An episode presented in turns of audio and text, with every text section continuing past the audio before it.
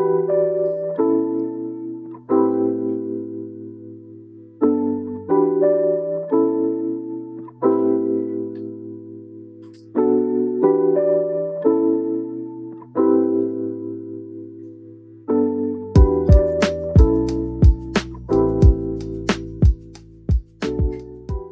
Raisa, Radio Indonesia Sehat mendekatkan kamu Sugiem ke rumah Healthy Radio. Selamat pagi Sobat Sehat semuanya. Selamat pagi Sobat Sehat untuk Anda yang mendengarkan Raisa Radio melalui aplikasi streaming radio. Selamat pagi juga mungkin Anda yang mendengarkan radio pagi hari ini lagi di jalan atau mungkin lagi persiapan mau sarapan nih. Selamat pagi juga untuk Sobat Sehat yang berada di website kami di raisaradio.com dan juga selamat pagi untuk Sobat Sehat yang berada di Zoom meetingnya Raisa pagi hari ini. Dan senang sekali pagi hari ini bertemu lagi dalam program Bincang-Bincang Santai Raisa Radio bersama dengan saya Galuh. Nah, terima kasih banyak kami ucapkan kepada Anda Sobat ya yang selalu setia menemani kami untuk menyimak program-program acara Raisa Radio dan tentunya dengan topik-topik yang menarik dan juga bermanfaat. Nah, pagi hari ini Sobat Sehat cerah banget pagi hari ini semoga juga dengan caranya pagi hari ini bisa menambah semangat kita di pagi hari ini untuk menyimak bincang-bincang santai yang pagi hari ini gak kalah menarik dari kemarin-kemarin. Menarik banget nih, apalagi untuk kaum hawa nih biasanya dah. Pagi hari ini kita akan membahas mengenai sehat dan cantik dengan kacamata atau lensa kontak. Kita akan ngobrol selama satu jam ke depan secara santai gitu ya bersama dengan narasumber kami ada Dr. Sagung Gede Indrawati spesialis mata konsultan dari beliau merupakan dosen Departemen Ilmu Kesehatan Mata FKKMK UGM dan pada kesempatan pagi hari ini Dr. Sagung akan ditemani oleh Dr. Irin Titin Jarajati, spesialis mata atau Dr. Ara, dosen Departemen Ilmu Kesehatan Mata FKKMK UGM. Kami persilakan. J, kami persilakan untuk Anda, Sobat Sehat yang kiranya nanti mau bertanya, boleh dituliskan di kolom chat atau raise hand atau bisa dituliskan uh, di website kami di raisaradio.com. Baik, tidak usah berlama-lama ya Sobat Sehat kepada Dokter Ara kami persilahkan. Oke, terima kasih banyak Mbak Galo atas kesempatan saya diundang lagi nih ke Raisa buat menemani senior-senior saya yang kemarin ganteng sekarang cantik. Uh, Oke, karena uh, tadi seperti yang sudah disampaikan oleh Mbak Galuh ya hari ini cerah, hatinya cerah, tapi agak kurang kalau misalnya penglihatannya nggak cerah gitu. Nah, sesuai dengan topik kita hari ini, kita akan membahas tentang kacamata dan kontak lens. Mungkin sudah banyak yang tahu tentang kacamata, kontak lens, tapi bagaimana penggunaan yang tepat, digunakan untuk apa, dan bagaimana sih kita tetap cantik walaupun dengan kontak lens, walaupun dengan kacamata. Karena pada takutnya kalau pakai kacamata, aduh uh, ini nanti saya kurang cantik, saya kurang ganteng, atau saya kok kelihatan kutu buku. Nah, nanti kita tanya langsung kepada sumbernya yaitu Dokter Sagung. Sebelumnya saya ingin menyapa Dokter Sagung, selamat pagi. Selamat pagi, Dokter Rara. Iya, uh, kita mulai mungkin ya dok ya untuk bincang-bincang uh, kita pagi hari ini. Nah sebelumnya uh, Dokter Sagung ini memang seorang ahli di bidang kacamata dan lensa kontak di Departemen Ilmu Kesehatan Mata Fakultas Kedokteran Universitas Gajah Mada. Nah Dokter Sagung sebelumnya saya mau nanya dulu nih dok, kebanyakan kalau orang kacamata itu dibilangnya minus. Orang orang kacamata itu pasti orangnya minus gitu. Nah kira-kira minus itu sebenarnya apa sih dok? Eh, baik jadi minus adalah salah satu kelainan refraksi ya. Jadi kelainan mata itu ada macam-macam, ada infeksi, ada trauma ya. Tapi minus itu adalah salah satu kelainan refraksi di mana lensa mata itu tidak berhasil menghantarkan bayangan menuju ke saraf mata. Seharusnya berada di saraf mata, bayangan yang diciptakan oleh lensa mata. Tetapi dia nggak nyampe, berarti ada di depan saraf, belum nyampe ke tempatnya. Seperti itu dokter Ara. Jadi sehingga itu ya? kabur ya, sehingga kabur hmm. yang dilihat oleh uh, pasien itu sendiri. Oh, kemudian kalau misalnya tadi dikatakan oleh dokter Sagung sehingga uh, cahayanya itu tidak sampai ke saraf ya. Iya. Kemudian ya. kenapa kok ada anak-anak yang pandangannya kabur dan disebut minus? Ada kok yang nggak kabur? Itu sebenarnya minus itu kenapa dok? Jadi uh, min, uh, minus itu karena tadi sarafnya tidak mendapat bayangan yang tepat, maka uh, bay, uh, pada saat melihat jauh, si anak ini akan kabur karena tidak berada di saraf ya. Tapi kalau dia merasa tidak kabur, itu kita harus tanda tanya dulu. Pertama, apakah anak itu tidak mengetahui bagaimana pandangan yang tersebar yang seharusnya ya. Jadi kalau mungkin banyak orang ya, banyak anak juga yang mengatakan saya nggak apa, tapi begitu dicek dengan uh, alat pemeriksaan yang benar, dengan perhitungan yang berstandar, ternyata dia tidak memenuhi syarat untuk uh, dikatakan sebagai kata normal. Dan kalau anak itu mengatakan tidak kabur, kita juga bisa melihat apakah barang yang dilihat itu objek tersebut uh, cukup besar dengan jarak yang sesuai gitu, Dokter Ara. Oh gitu ya. Jadi itulah mungkin penyebabnya ya dok. Kalau anak-anak itu baru sadar kalau pandangannya kabur kalau sudah masuk sekolah. Mungkin itu ya dok ya. Iya betul. Karena hmm. pada saat masuk sekolah kan dituntut untuk melihat jauh kan? Ya. sedangkan kalau di rumah ya tidak dituntut untuk uh, pada jarak tertentu. Dia kalau kabur dia bisa mendekat hmm. seperti itu. Ya tapi kalau di sekolah dia kan harus duduk dari tempat duduknya menuju uh, melihat ke papan tulis dia nggak bisa melihat. Jadi seperti itulah ketahuannya. Biasanya seperti itu dokter. Oh Karena, dan apakah kalau misalnya nih dok anak-anak kalau ketahuannya sudah sekolah apakah itu terlambat dok? Atau masih bisa kita perbaiki kalau di anak usia sekolah Uh, masih bisa ya kita bantu kita bantu dengan kacamata atau lensa kontak bisa untuk uh, memperbaiki kualitas penglihatannya tetapi tidak menyembuhkan dokter Rara. Jadi ah, seperti itu. ini juga ya dok ya.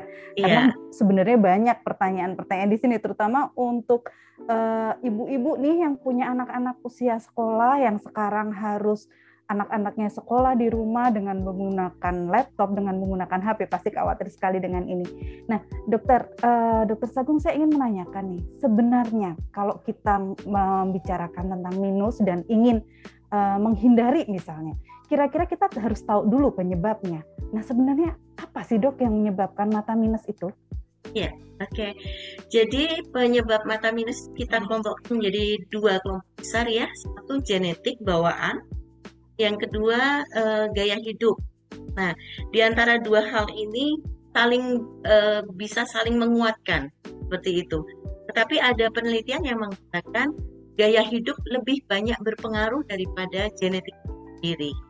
Jadi kalau bawaan ya tentu saja dari orang tua atau kakek neneknya yang minus, yang kemudian bisa diberikan ke anaknya biasanya yang bawaan itu munculnya lebih muda pada anak-anak yang lebih muda dan ketahuan minusnya tiba-tiba langsung. Tapi kemudian ada gaya hidup. Gaya hidup melihat dekat terus-menerus itu juga membuat mata minus. Mau sesehat apa mata itu, kalau dia melihat dekat terus-terus, maka dia akan menjadi minus juga, Dokter Arah. Jadi itu sangat sangat uh, faktornya sangat kuat sekali gaya hidup itu seperti itu. Padahal kita sekarang semua dituntut untuk melihat dekat ini karena kan seperti yang tadi kita katakan sekolah semuanya sekarang WFH, kerja WFH, semua melalui laptop, semua melalui gadget. Mau tidak mau tuntutan untuk melihat dekat itu mungkin sangat tinggi ya dokter ya. Iya betul. Nah, betul dok. Nah sekarang dok, kan tadi kita sudah bicarakan juga bahwa gejala minus itu salah satunya pandangannya kabur. Hmm, uh, ada iya. nggak iya. dok kita supaya misalnya sebagai orang tua walaupun saya sebelum sebagai orang tua ya dok uh, pasti orang-orang tua itu pasti khawatir dan uh, kalau bisa kan mendeteksi secara dini anak-anaknya ini minus atau enggak kira-kira gejalanya selain kalau anak belum bisa ngeluh kabur gejalanya apa dok? Iya jadi yang terbaik itu adalah deteksi dini ya dokter Ara, tetapi di negara kita belum semua uh, pelayanan rumah sakit itu uh, ada alat khusus untuk deteksi dini untuk anak-anak. Seperti itu.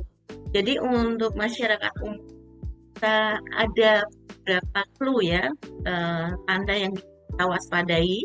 Seperti misalnya si anak itu melihat sesuatu dengan memitingkan dengan memicingkan mata ya krip-krip kayak gitu kalau orang Jawa bilang atau dia dengan menoleh dengan uh, kepala tilting gitu ya menoleh dengan posisi tertentu itu kita harus curiga. Yang kedua, dia melihat sesuatu itu sangat dekat. Jadi kalau dia ingin melihat sesuatu, melihat televisi misalnya, dia mendekat seperti itu.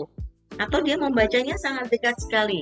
Itu juga itu salah satu tanda bahwa anak ini cerdas ya yang besar.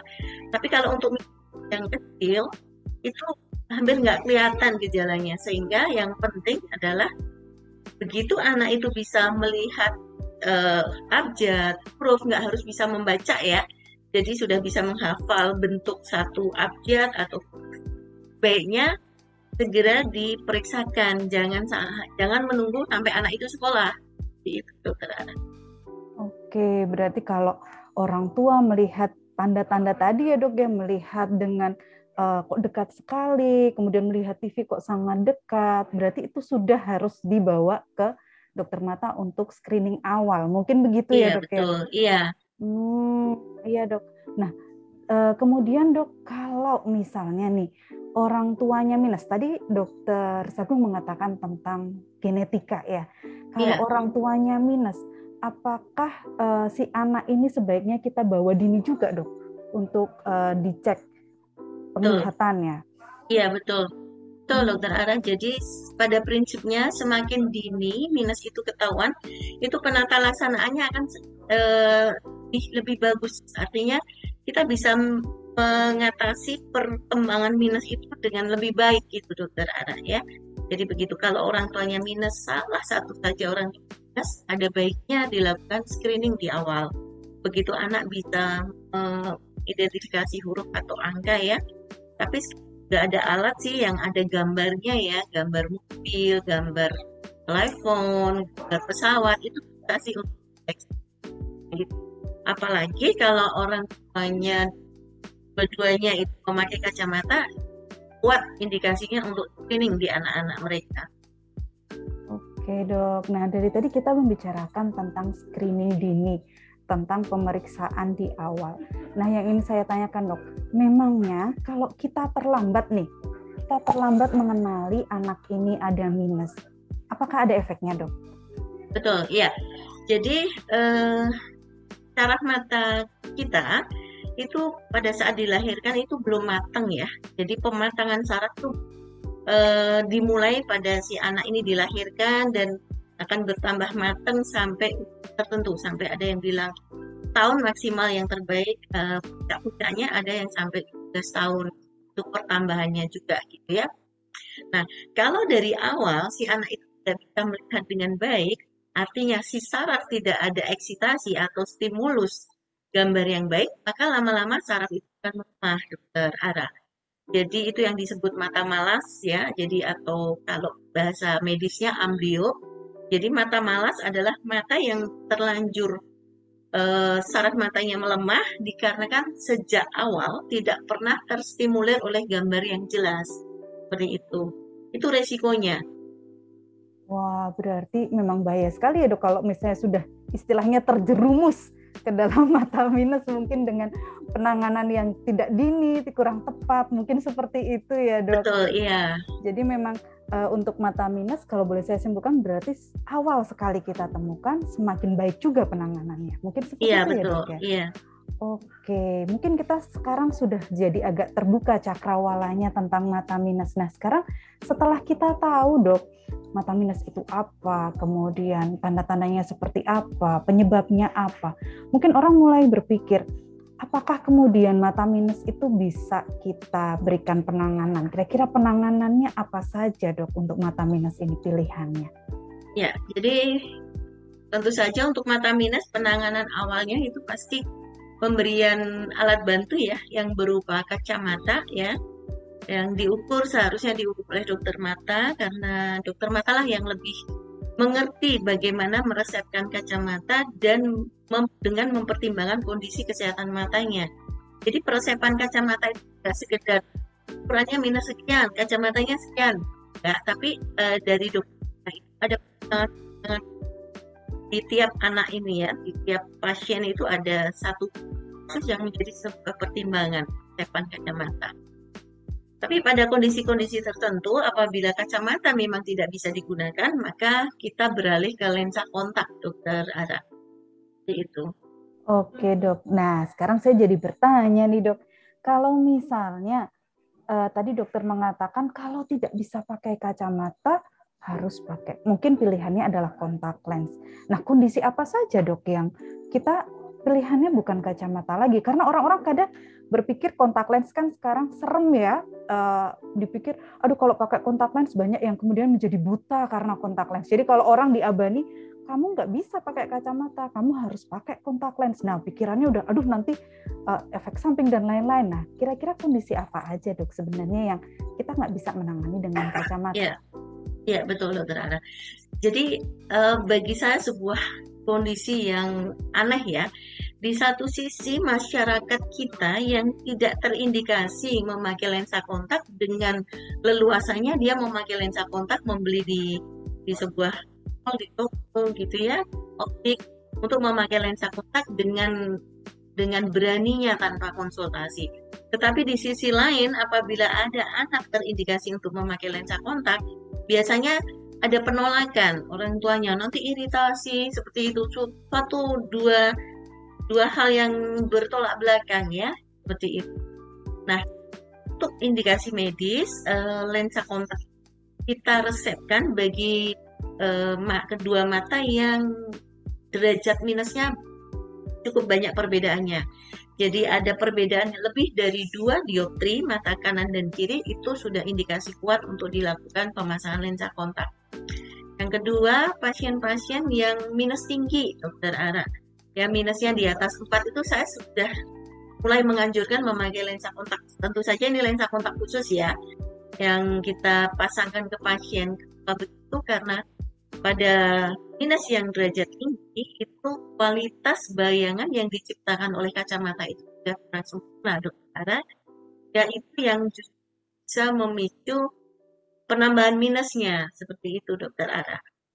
Jadi gitu. Kemudian eh, pasien-pasien uh, yang uh, ada operasi salah satu mata karena katarak ya bayi gitu ya katarak yang dari bayi kemudian harus dioperasi mau tidak mau kalau satu operasi maka mata eh lensa kontak dokter Hana. Wah, saya masa, malah baru tahu nih dok, kalau bayi ternyata juga bisa dipasangi lensa kontak. Nah, jadi lensa kontak ternyata bukan sesuatu yang barang haram sebenarnya ya dok. bukan satu barang haram, bukan suatu barang yang harus ditakuti, tetapi memang harus terkontrol. Nah, eh, menyambung dengan pertanyaan ini dokter, ternyata yang bertanya-tanya tidak hanya saya, tetapi ada sobat sehat Raisa juga ingin menanyakan sesuatu ini kepada dokter Sagung. Ini eh, dari Maula, dia uh, dok, Maula ini ternyata Mbak Maula ini menyimak dari pagi hari ini karena saking penasarannya dengan diskusi kita pagi hari ini uh, ingin menanyakan kalau misalnya uh, lensa kontak apakah harus dengan anjuran dokter? Karena uh, di luar sana sebenarnya banyak sekali yang menjual lensa kontak baik di mall tadi yang seperti dikatakan dokter Sagung ada yang online ada banyak beragam harga beragam kualitas. Mungkin kalau beli yang agak mahalan gitu apakah kemudian pasti kualitasnya baik sehingga kita bisa lebih aman nih kan eh, ada harga ada kualitas gitu. Apakah bisa dok seperti itu? Ya jadi eh, yang benar pemakaian lensa kontak itu harus di bawah eh, pengawasan dokter ya. Jadi fitting itu artinya eh, mengepaskan ya atau menyesuaikan kelengkungan kornea mata pasien dengan lensa kontak itu sendiri Nah, secara garis besar, lensa kontak itu ada dua materi ya, soft contact lens yang banyak di pasaran dan hard contact lens yang kita kenal dengan RGB ya. Nah, yang berada di pasaran banyak dibeli oleh masyarakat kita adalah soft contact lens. Nah, soft contact lens itu ada dibuat dari berbagai bahan ya, yang dari bahan yang konvensional biasanya dia dari hydrogel dan yang lebih uh, di atasnya lagi adalah silikon hydrogel. Nah, dua materi ini masing-masing punya kelemahan dan kelebihannya seperti itu. Nah, itu gak semua orang, semua mata cocok dengan yang konvensional. Tidak semua orang cocok dengan yang hydrogel. Jadi itu juga harus diperhatikan bahannya. Yang kedua, pemakaian soft contact lens itu juga harus dilihat ukurannya. Jadi masing-masing pabrik lensa kontak berdasarkan lensa kontak itu ukuran kelengkapannya itu standar. Jadi eh, bahan eh, merek A, merek B, merek C itu dia mempunyai ukuran-ukuran kelengkapan yang berbeda yang standar. Nah, itu harusnya disesuaikan juga dengan ukuran eh, kornea mata pasien. Karena kalau ada uh, yang kesempitan, tetap nanti lensa kontaknya itu sangat bahaya bagi mata kita. Atau yang terlalu longgar itu pun juga sangat berbahaya ya. Seperti itu. Harusnya memang dokter mata yang akan menentukan cocoknya lensa kontak mata uh, si pengguna tersebut terarah.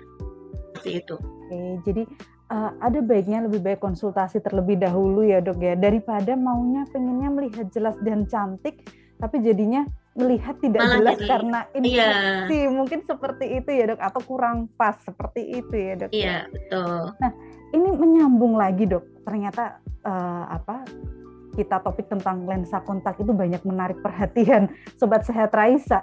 Ini ada lagi pertanyaan dok dari Mbak Lia Rahmawati. Selamat pagi dokter, uh, izin bertanya, dampak penggunaan lensa kontak secara terus-menerus bagi orang yang tidak ada masalah mata seperti minus dan lain-lain dan tanpa konsultasi ke dokter bagaimana ya?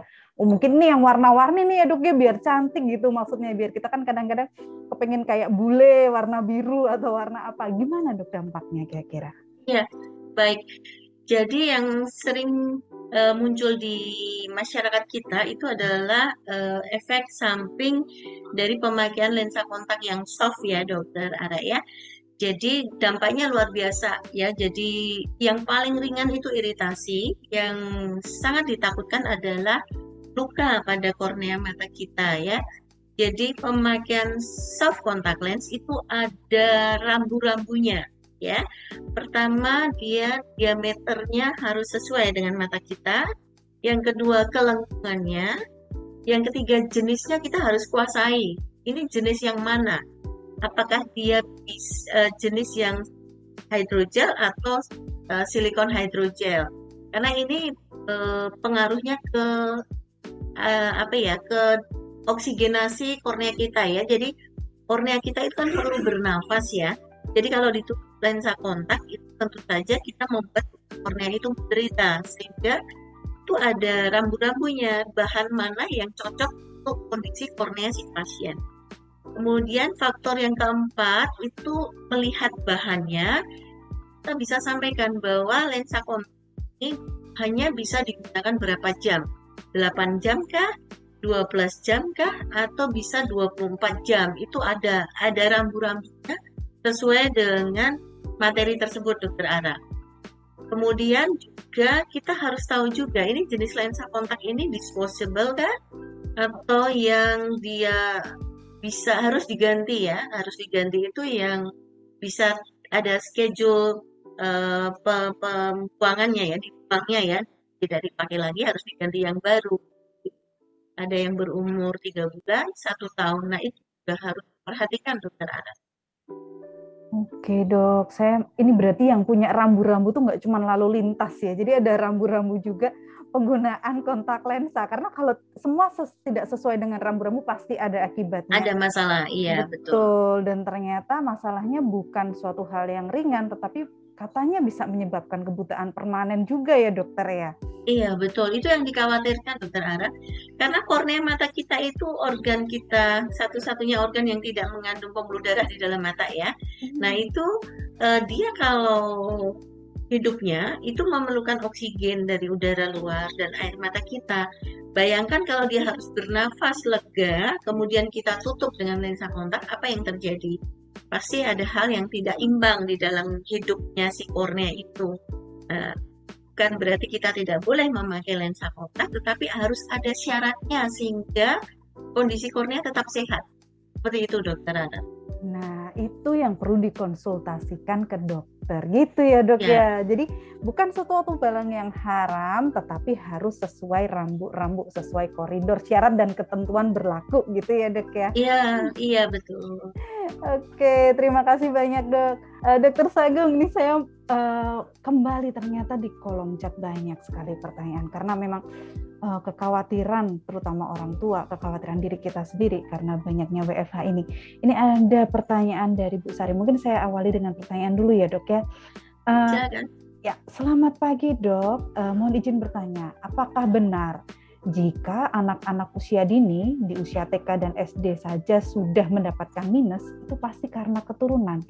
Ataukah ada perihal lain mengapa sih anak usia dini itu sudah bermasalah dengan mata, misalnya dengan tidak bisa melihat jauh, dan faktor apa saja yang mengakibatkan anak-anak usia dini ini cepat bermasalah sekali dengan mata. Begitu. Terima kasih, dokter. Baik, ya. Jadi begini ya, jadi minus yang ditemukan pada anak-anak usia dini, apalagi dia tiba-tiba udah langsung dua, bahkan lebih dari tiga, itu hampir dipastikan itu karena eh, ada faktor keturunan yang bermain di situ, dokter Ara ya.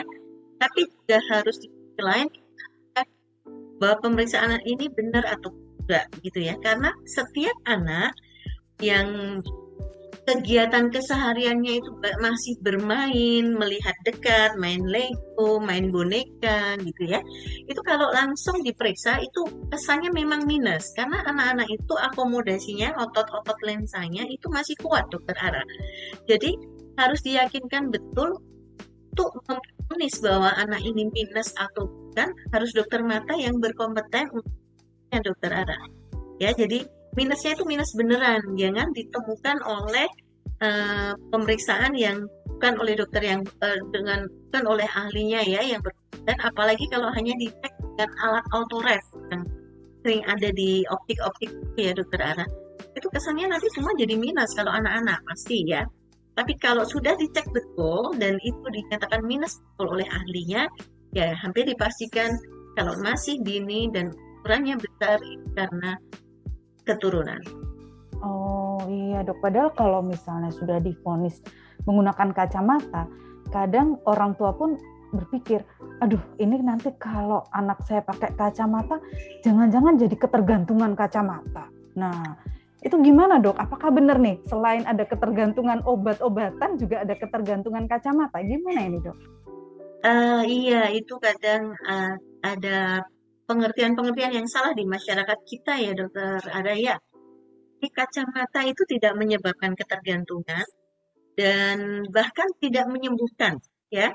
Jadi kacamata itu adalah hanya alat bantu ya. Jadi alat bantu yang membantu membuat si anak ini bisa melihat dengan baik, dengan benar ya, seperti itu. Jadi tidak ada ketergantungan. Yang ada adalah si anak ini kalau tidak memakai kacamata ya tidak bisa melihat. Kan Bahkan pada minus yang tinggi kalau tidak diberi kacamata, uh, saraf itu tidak akan pernah stimulir baik. Ya, tidak ada menstimulasi saraf, takutnya itu malah semakin ngedrop tensi sarafnya itu. Jadi potensi saraf itu kalau kita bahasakan yang gampang itu seperti listriknya itu loh dokter Ana.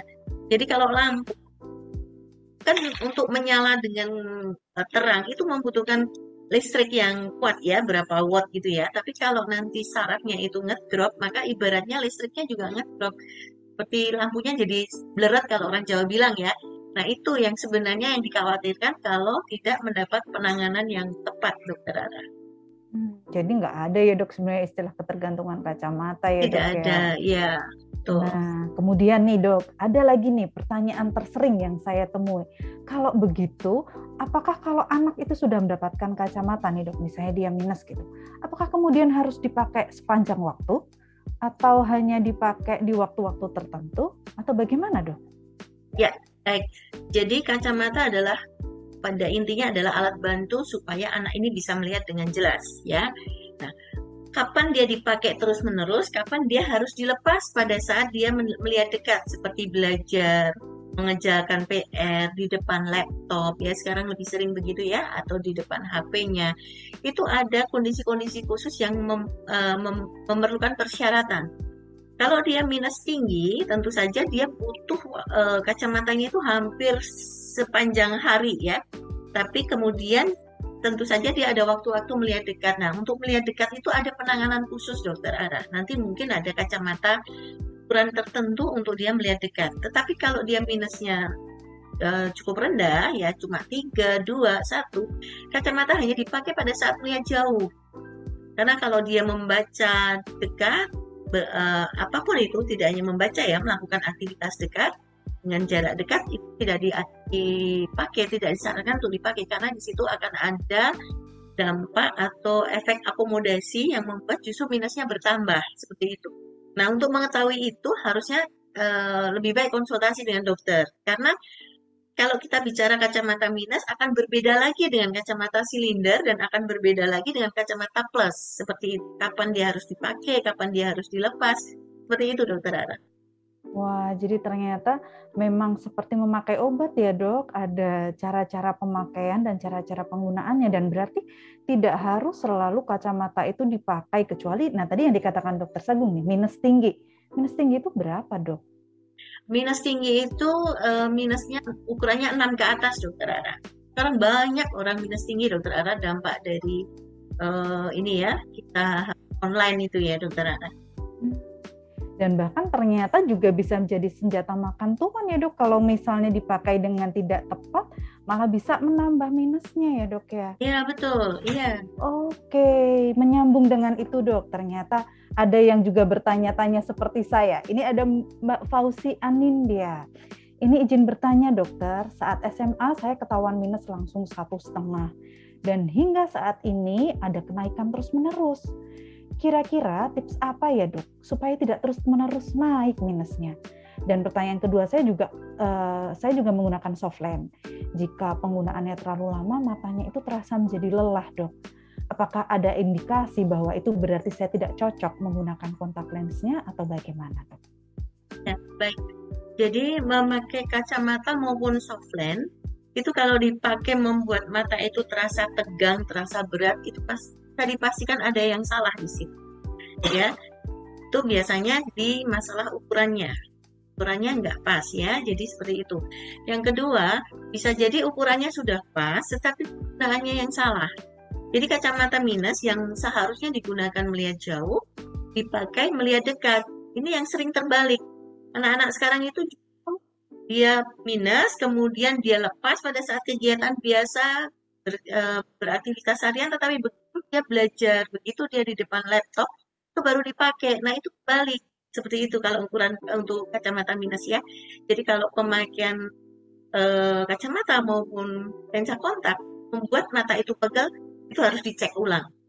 Apanya yang salah? Apakah ukurannya ataukah cara pakainya? Seperti itu dokter Ara. Yang kedua, minus itu kalau dia sudah tidak di usia pertumbuhan untuk wanita kira-kira 18 tahun deh, itu harus sudah berhenti. Dan laki-laki di 20 tahun sudah harus berhenti minusnya.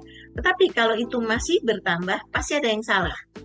Salahnya di mana? Bisa jadi ukuran kacamatanya yang kemarin, bisa jadi karena cara pakainya yang salah, bisa jadi karena minusnya emang udah tinggi.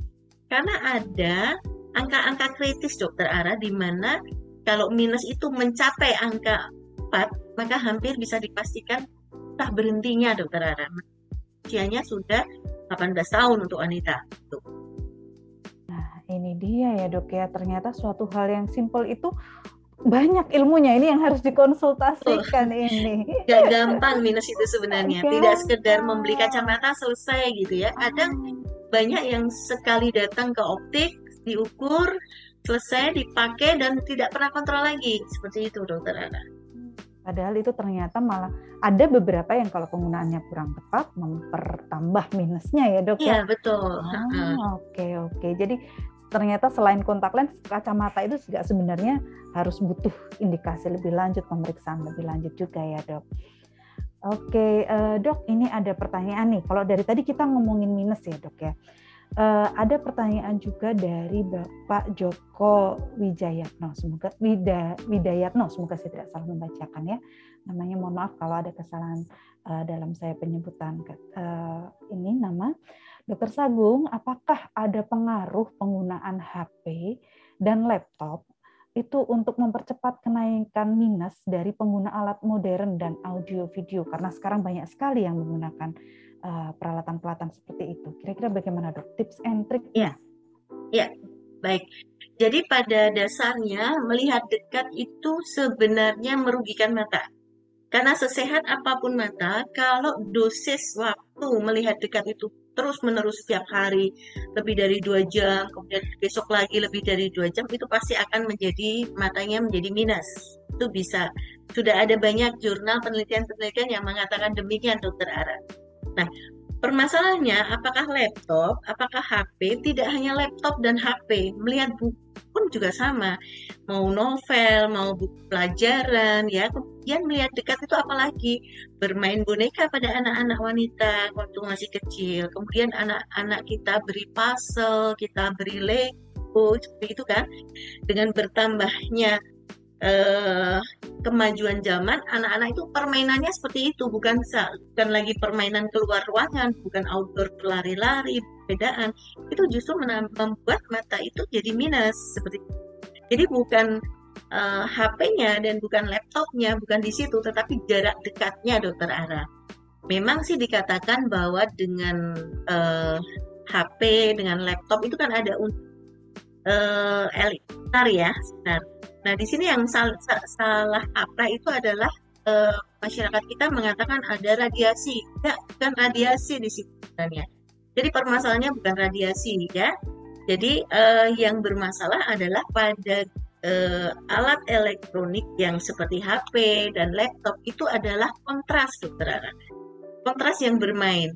Jadi justru sebenarnya kontras itu diperlukan untuk menciptakan bayangan yang baik di saraf mata. Nah, kontras yang baik di mana? Ya, kontras yang baik adalah background tulisan dengan tulisan itu harus eh, perbedaannya cukup jauh, seperti hitam dan putih. Nah, kontras yang baik itu justru di buku, di buku tulis, ya, dan di alat-alat cetak ya, dan media-media cetak. Tetapi di laptop, di HP itu justru kontrasnya jelek ya meskipun dia kesannya nyala bagus terang tapi itu kontrasnya nggak bagus seperti itu itu justru yang mempengaruhi uh, selain jarak dekat yang terus menerus itu kontras itu juga akan memperberat beban mata gitu dokter Ara. Oh, okay. Jadi meskipun tidak di laptop, tidak di HP, tapi anaknya main Lego, main apa ya permainan anak-anak sekarang ya puzzle, main baca buku aja, tetap anak itu akan minus kalau tidak diatur dengan baik. Oke, karena mungkin anak-anak sekarang kalau uh, saya tanya gobak sodor, mungkin nggak tahu ya dok ya. Zaman saya mainnya gobak sodor, benar. Iya betul. Tahu ya. Oh jadi ternyata bahkan permainan-permainan misalnya anak kamu jangan main HP gitu. Kamu main boneka aja, ternyata juga ada efeknya bisa juga nah, jadi minus ya dok. Sama, iya. Oh. Jadi sama. Iya, Jadi iya. kalau dulu eh, jurnal-jurnal dulu mengatakan bahwa kejadian minus pada anak-anak itu terutama pada anak perempuan. Karena anak perempuan permainannya kan boneka, main pasaran ya, apa itu masak-masakan, indoor lah anak perempuan pernah. Itu jadi minusnya lebih tinggi daripada anak laki-laki yang permainannya sepak bola, lari-lari di luar. Tapi dengan berjalannya waktu, ternyata laki perempuan sekarang sama, dokter Ara, karena sama-sama ada puzzle, ada Lego, ya. Kemudian ditambah dengan gadget lagi, seperti itu. Jadi sekarang hampir sama, karena semua sekarang anak-anak kita itu sudah indoor semua, tidak ada yang outdoor mainan. Iya ya, kasihan sekali anak-anak zaman sekarang terutama karena adanya pandemi ini ya dok ya. Jadi ya, anak mau tidak mau harus kan stay at home di dalam rumah. Jadi iya. untuk kemungkinan dia jadi minus lebih meningkat. Nah dok, saya pernah mendengar dari salah satu sumber dok tentang rule of 20. Itu kira-kira apa sih dok rule of 20 dan apa hubungannya dengan minus? Apakah ada hubungannya dok? Iya, betul. Jadi begini, Dokter Ara.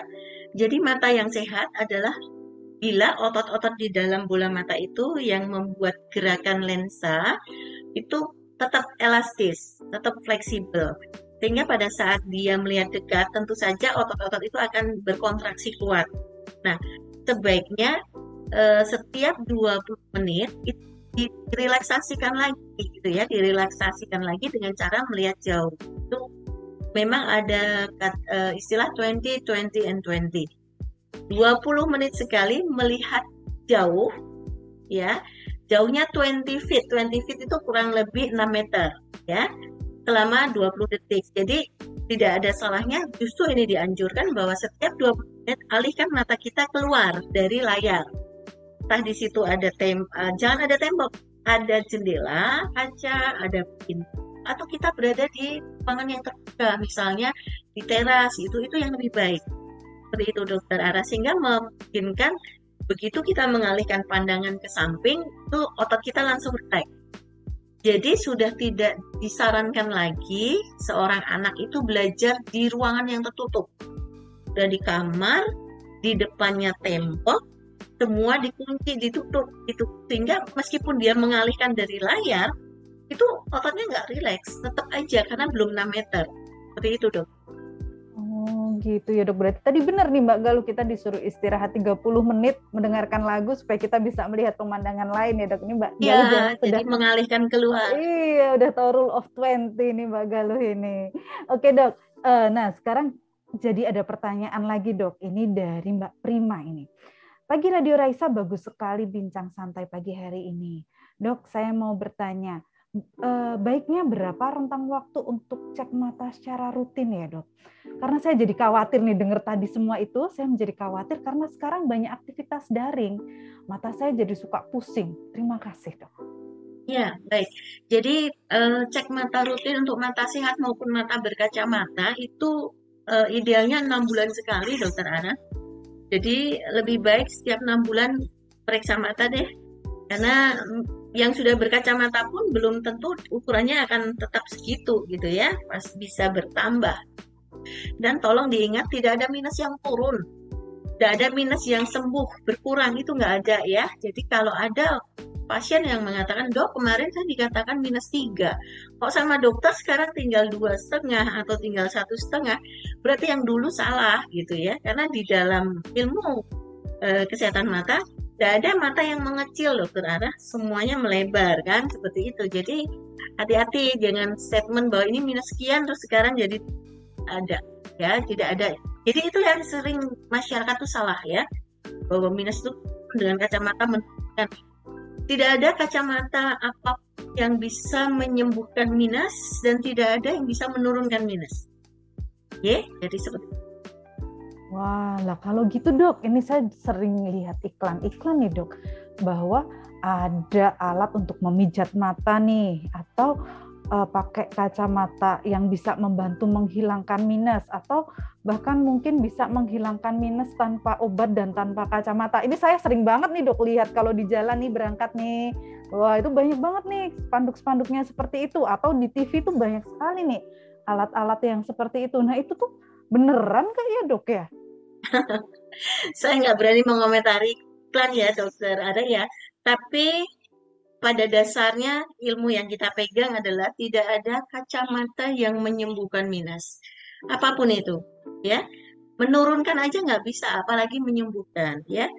Itu. Yang bisa dilakukan adalah membantu supaya mata minus itu tetap bisa melihat dengan maksimal, syukur maksimal. Kalau tidak ya optimal, seperti itu dokter Ara. Kalau makan wortel dok, nah ini kadang-kadang orang tua juga ini nanya dok, kalau misalnya anak saya minus, ini kalau saya kasih jus wortel setiap hari, itu apakah kemudian minus anak saya bisa turun? Ah, enggak. Jadi wortel memang dia provitamin ya, provitamin A yang bagus untuk uh, saraf mata di bagian retina di belakang, di belakang di tempat reseptornya itu ya.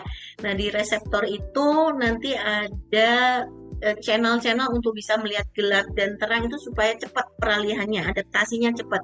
Seperti kita berada di ruang gelap di bioskop, awalnya gelap, lama-lama kita bisa melihat dengan baik atau keluar yang ruangan yang tadinya silau, kemudian lama-lama kita bisa beradaptasi. Wortel itu bermain di channel itu, dokter Ara. Tidak bermain di minus. Karena apa? Beda. Channelnya itu di ininya di makula ya, di saraf mata, sedangkan minus tuh nggak nyampe di situ. Gitu. Jadi bukan di situ uh, targetnya bukan begitu. Memang bagus ternyata, tapi bukan targetnya ke minusnya. Karena ada mekanisme dokter Ara. Memang betul pasien-pasien minus tinggi dia ada rabun di sore hari dokter Ara. Nah itu kita dibandingkan tapi tidak minusnya, tapi membantu eh, dampak lain dari minusnya itu tadi dia sore hari itu lebih lebih nggak jelas daripada orang yang hanya itu dokter Ara. Oke dok, jadi uh, dicekokin pun nggak banyak nganu ya dok berpengaruh kalau misalnya memang tentang minus ya. Oke dok, mungkin uh, ada nih sedikit terakhir dok terakhir nih. Uh, tadi dari tadi kita berbicara tentang minus ya dok ya. Ini ada pertanyaan tentang kacamata plus. Oke, jadi uh, ada pertanyaan dari Mbak Sari nih. Selamat pagi dok, mau tanya lagi. Oh, Mbak Sari nambah ini. Apakah benar kalau sudah menggunakan kacamata plus itu akan selalu bertambah setiap tahun plusnya? apakah ada cara untuk mengurangi atau menghindari kenaikan plus atau memang betul tidak bisa dihindari karena faktor usia? Tetapi kok ada juga yang usianya di atas 40-an tapi kok nggak plus atau belum plus? Mungkin gitu. Terima kasih dokter. Oke, ya. Kita bicara kacamata plus ya. Kacamata plus itu kacamata yang power lensanya positif. Nah, kacamata plus ini bisa dimanfaatkan oleh dua personel. Satu orang yang penglihatan jauhnya kabut tapi plus, bukan minus. Itu ada. Namanya orang hipermetropik Eh, plus itu tidak saja pada orang tua ya, pada orang anak muda pun bisa, bahkan pada anak-anak itu ada hipermetrop, kebalikan dari minus. Itu kalau minus, bayangan tidak nyampe di saraf, tetapi kalau plus malah kebablasan. Nah ini kacamata plus yang dipakai. Kalau itu yang kita uh, bahas, maka plus itu jarang yang nambah, dokter Ara. Karena tidak ada mata makin mengecil juga kan gitu ya. Karena tadi kan kebablasan nih. Kalau nambah kan harusnya matanya jaraknya mengecil. Jarang yang nambah. Ada sih penambahan plus beberapa pasien dikarenakan ada pencairan protein lensa dokter Ana seperti itu. Nah kalau kacamata plus yang kedua itu adalah kacamata plus yang dipakai membantu membaca dekat pada orang-orang yang usianya sudah empat tahun ke atas gitu ya. Jadi eh, penglihatan kita ada dua dokter Ara, penglihatan jauh dan penglihatan dekat ya. Nah penglihatan jauh itu pada saat kita masih muda bisa normal, bisa minus, bisa plus yang saya sampaikan tadi, bisa silinder atau bahkan kombinasi silinder dengan minus, silinder dengan plus. Nah, tidak memandang bagaimana kondisi mata ini pada saat si pasien ini masih muda, begitu dia usia 4 tahun, maka dia akan mengalami gangguan dekat. Kalau yang tadi itu semua istilah penglihatan jauh ya. Nah, gangguan melihat dekat itu maka kita beri kacamata plus satu ya 40 kurang lebih. Usia 52, di usia 6 dan seterusnya itu plus 3. Seperti itu dokter Araf. Karena apa? Karena lensa mata kita pada saat melihat dekat tuh harusnya dia mencem. Tapi kalau usia 40 dia udah mulai jadi pencemburannya nggak maksimal ya sehingga dia perlu kacamata plus satu di usia 4 dan 15 plus 2 di 60 ke atas plus 3 jadi begitu dokter Ara jadi kemungkinan kalau tadi ada orang yang usianya udah 4 ke atas harusnya plus pada saat membaca dekat dia tidak tidak ada gangguan tidak berkacamata plus kemungkinan besar dia plus jauhnya seperti itu dokter Ara Oke dok berarti memang uh, untuk mengkoreksi kacamata dekat nih, kita harus lihat kacamata jauhnya dulu ya dok ya. Jangan, harus, iya betul. Iya, jangan-jangan mungkin dia tidak membutuh, tidak membutuhkan kacamata plus waktu usia 40 tahun karena minus. Berarti kalau kita beli kacamata plus tuh yang di pinggir jalan itu dok, yang plus satu, plus dua, plus tiga itu gimana dok? Apakah ya. bisa atau gimana? Kalau kacamata yang sudah jadi ya untuk baca plus satu, plus dua, plus tiga yang ada di toko-toko itu ya, itu boleh-boleh saja dipakai. Tetapi banyak hal yang harus kita pertimbangkan. Satu, penglihatan jauhnya apa benar-benar uh, normal ya. Boleh itu dipakai kalau memang yakin penglihatan jauhnya normal. Yang kedua, kacamata itu sebaiknya yang benar itu custom dokter Ara. Kenapa? Karena kalau yang dijual di di toko-toko yang udah jadi itu dia terstandar jarak di pilnya. Jadi titik fokus dua mata itu mata kanan dan kiri masing-masing orang nggak sama ya. Jadi ada yang wajahnya lebar, ada yang wajahnya sempit. Nah titik fokusnya ini pas di tengah enggak gitu. Itu yang juga kalau dibeli di pasaran yang sudah jadi kadang itu nggak ketemu, nggak nyam, nggak nggak sesuai dengan titik kita yang kita sebutkan siap pupil jarak dua pupil ini. Kalau titik fokus kacamata yang kita beli itu lebih sempit daripada mata kita, maka kita akan jadi juling ke dalam dokter Ara. Demikian juga sebaliknya, kalau titik fokusnya itu lebih lebar dari mata kita, kita akan jadi juling keluar. Dan itu sangat nggak nyaman, seperti itu. Waduh, jadi pakai kacamata malah jadi juling. Itu kan malah jadi aneh lagi ya, jadi nggak cantik dong ya dok. Iya, jadi nggak cantik lagi. Tuh, jadi ternyata memang semua itu lebih baik dikonsultasikan dulu kepada ahlinya supaya ke depannya semua menjadi berjalan lebih baik. Mata kita jadi sehat dan juga kita menjadi lebih cantik gitu ya dok harapannya. Ya, Betul, ya, iya. Oke, Mbak Galuh, ini waktu kita masih apa nggak? Sebenarnya masih banyak pertanyaan ini Mbak Galuh. Gimana dong? Sebetulnya asing sekali ya dok ya ini banyak sekali nih sobat sehat yang penasaran tetapi uh, mungkin kita agendakan lagi setelah ini mungkin ya dok ya karena mungkin waktunya satu jam mungkin dokter Ara dan juga dokter Sagung ada acara lain setelah ini gitu. Monggo dok. Oke Mbak Galuh terima kasih. Sebelumnya saya ingin berterima kasih kepada Dokter Sagung atas banyak sekali ilmu yang diberikan pada pagi hari ini, baik pada saya, kepada Galuh, kepada semua pendengar Sobat Sehat Raisa, sehingga mungkin lebih banyak melek pengetahuannya, lebih banyak tahu sekarang tentang penggunaan kacamata dan kontak lens. Kemudian saya juga ingin mengucapkan terima kasih juga kepada semua penggemar, uh, semua pendengar Sobat Sehat Raisa di sini antusias sekali, pertanyaan banyak sekali, dan saya mohon maaf apabila belum semua pertanyaan bisa saya bacakan karena keterbatasan waktu. Mungkin saya kembalikan ke Mbak Galuh. Terima kasih. Baik, kami ucapkan terima kasih banyak Dokter Sartung dan juga Dokter Ara atas ilmunya pagi hari ini. Banyak sekali yang bisa kita dapatkan ya Sobat Sehat. Sehat selalu Dokter Sartung dan juga Dokter Ara. Terima kasih banyak terima atas ilmunya. Sobat Sehat gimana nih? Sudah uh, sedikit ter, uh, banyak tercerahkan ya pagi hari ini. Lebih melek lagi karena kita bicara soal mata nih ya. Jadi mungkin untuk Anda Sobat Sehat yang uh, punya keluhan dengan mata kemarin-kemarin dan untuk lebih berhati-hati ketika nanti memilih kacamata atau menggunakan lensa kontak. Tadi pesan dari Dokter Sagung dan juga Dokter Ara juga di tengah uh, situasi pandemi seperti ini banyak sekali aktivitas yang membuat kita selalu aktivitasnya daring. Jadi setiap 20 menit betul ya Dokter Ara ya? Setiap 20 menit kita istirahatkan untuk mungkin melihat yang lain gitu, yang ijo-ijo mungkin. Terima kasih banyak untuk uh, kebersamaan Anda, Sobat Sehat yang berada di radio, di website maupun di Zoom. Kami mengucapkan terima kasih banyak dan nantikan acara-acara lain yang menarik, lebih menarik lagi dari Raisa Radio bisa Anda dapatkan dengan memfollow Instagram kami di @raisa_radio_ugm. Dan untuk Sobat Sehat yang kebetulan di hari ini tidak mengikuti dari awal obrolan asik dari Dokter Sagung dan juga Dokter Ara, bisa mendengarkan di Spotify kami di uh, Raisa Radio Indonesia Sehat. Kami ucapkan terima kasih banyak sekali lagi Dokter Sagung dan juga Dokter Ara. Sehat selalu, selamat melanjutkan aktivitas. Saya Galuh, mohon pamit undur diri. Mohon maaf apabila ada kesalahan pada saat acara berlangsung. Terima kasih banyak, selamat pagi dan salam sehat.